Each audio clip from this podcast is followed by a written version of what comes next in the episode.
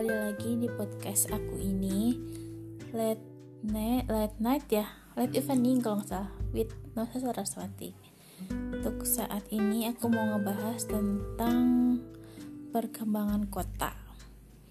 Jadi perkembangan kota itu harus nyata ya Dari tiap tahun, dari tiap saat.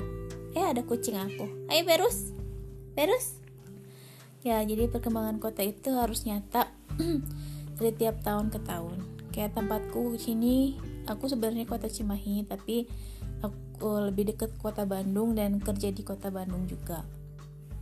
Jadi kota Bandung ini merupakan ibu kota dari Jawa Barat dan kalau dilihat dari perkembangannya cukup baik ya dilihat dari transportasi dan uh, pembangunannya sudah cukup baik di kota Bandung ini. Dan pengurusan-pengurusan apa pun juga mungkin sudah cukup baik tapi ya itu kita melangkah untuk menuju ke tempat yang lebih baik lagi. Yang kurang harus diperbaiki yang sudah baik dipertahankan bahkan dikembangkan. Jadi kayak misalkan sekarang uh, aku di rumah ini uh, masing-masing penghuni rumah punya penyakit masing-masing ya jadi kita kalau mau ngurusin penyakit kita kita harus ngurus dulu ke puskesmas begitu baru ke rumah sakit yang dirujuk karena nggak bisa ditangani oleh puskesmas daerah kita. Jadi yang pengen aku saranin sih ke depannya untuk penyakit-penyakit yang seperti kita kita ini untuk rujuk untuk datang untuk ngurusnya nggak nggak perlu ke rumah sakit besar. Jadi di puskesmas juga harusnya bisa nanganin. Ya bukannya bukannya berarti mematikan rumah sakit yang di kota ya tapi kan demi kesehatan bersama demi kebaikan bersama apa apa apa baiknya atau apa ya apa baiknya kalau kita lebih memudahkan orang-orang sakit nggak perlu jauh-jauh datang ke rumah sakit. Jadi misal gini kita kan banyak tenaga kesehatan nih di puskesmas.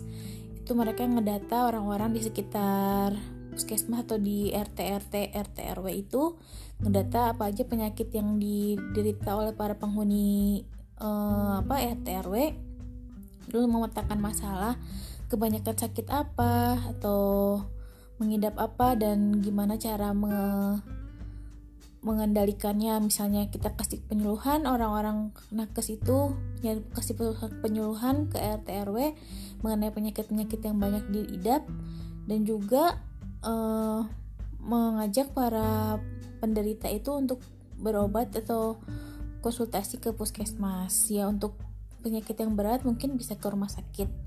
Tapi untuk penyakit-penyakit yang harus konsul rutin itu rawat jalan itu harusnya di, ditangani oleh puskesmas. Jadi kayak aku sakit bipolar kan untuk saat ini puskesmas belum ada poli jiwa. Jadi aku harus bikin rujukan dulu dan pergi ke rumah sakit yang ada poli jiwanya untuk aku yang masih muda masih oke okay, nggak apa-apa. Tapi kalau seiring waktu aku juga bakal menua.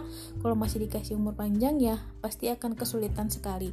Tapi aku yakin ke depannya mungkin akan lebih jauh lebih baik lagi. Kita bisa um, memeriksakan sakit kita di puskesmas ya.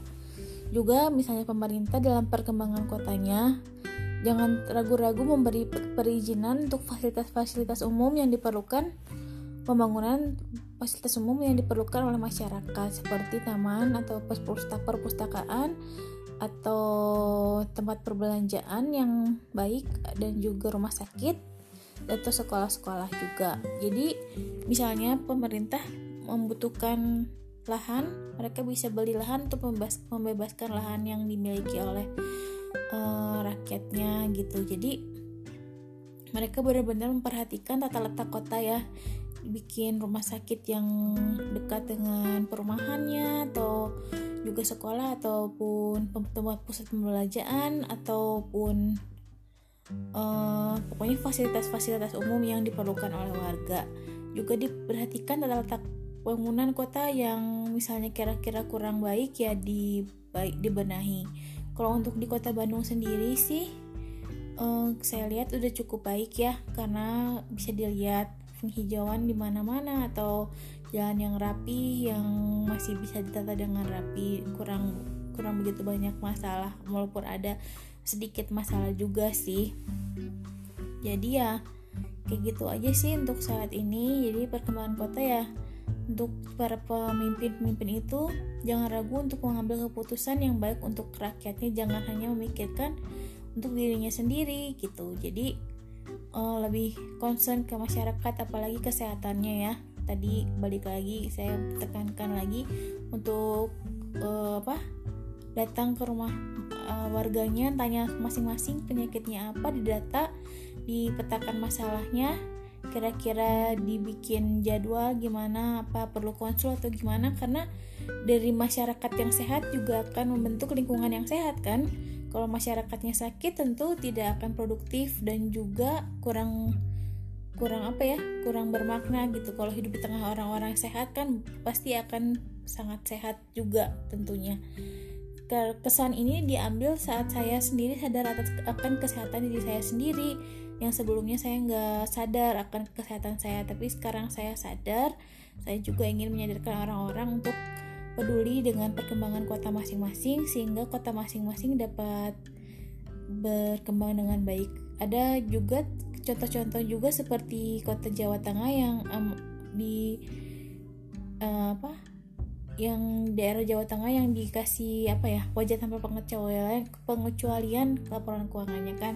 Itu bagus banget berarti nggak ada korupsi di sana dan itu bisa dicontoh juga di daerah-daerah lain dari dari pemimpin yang taat hukum yang nggak menyelewengkan uang rakyat yang mau membangun warganya dan fasilitas umum yang ada di saat uh, masa kepemimpinannya. Jadi patut dicontoh orang-orang yang seperti itu atau model-model yang seperti itu. Ya pokoknya kita berdoa perkembangan di masa yang akan datang akan lebih baik lagi sehingga kita dapat hidup lebih nyaman lagi, lebih nikmat lagi bersama saudara-saudara, teman-teman lingkungan kita dan lebih maju lagi di dengan nilai-nilai yang positif. Ya udah gitu aja. Selamat malam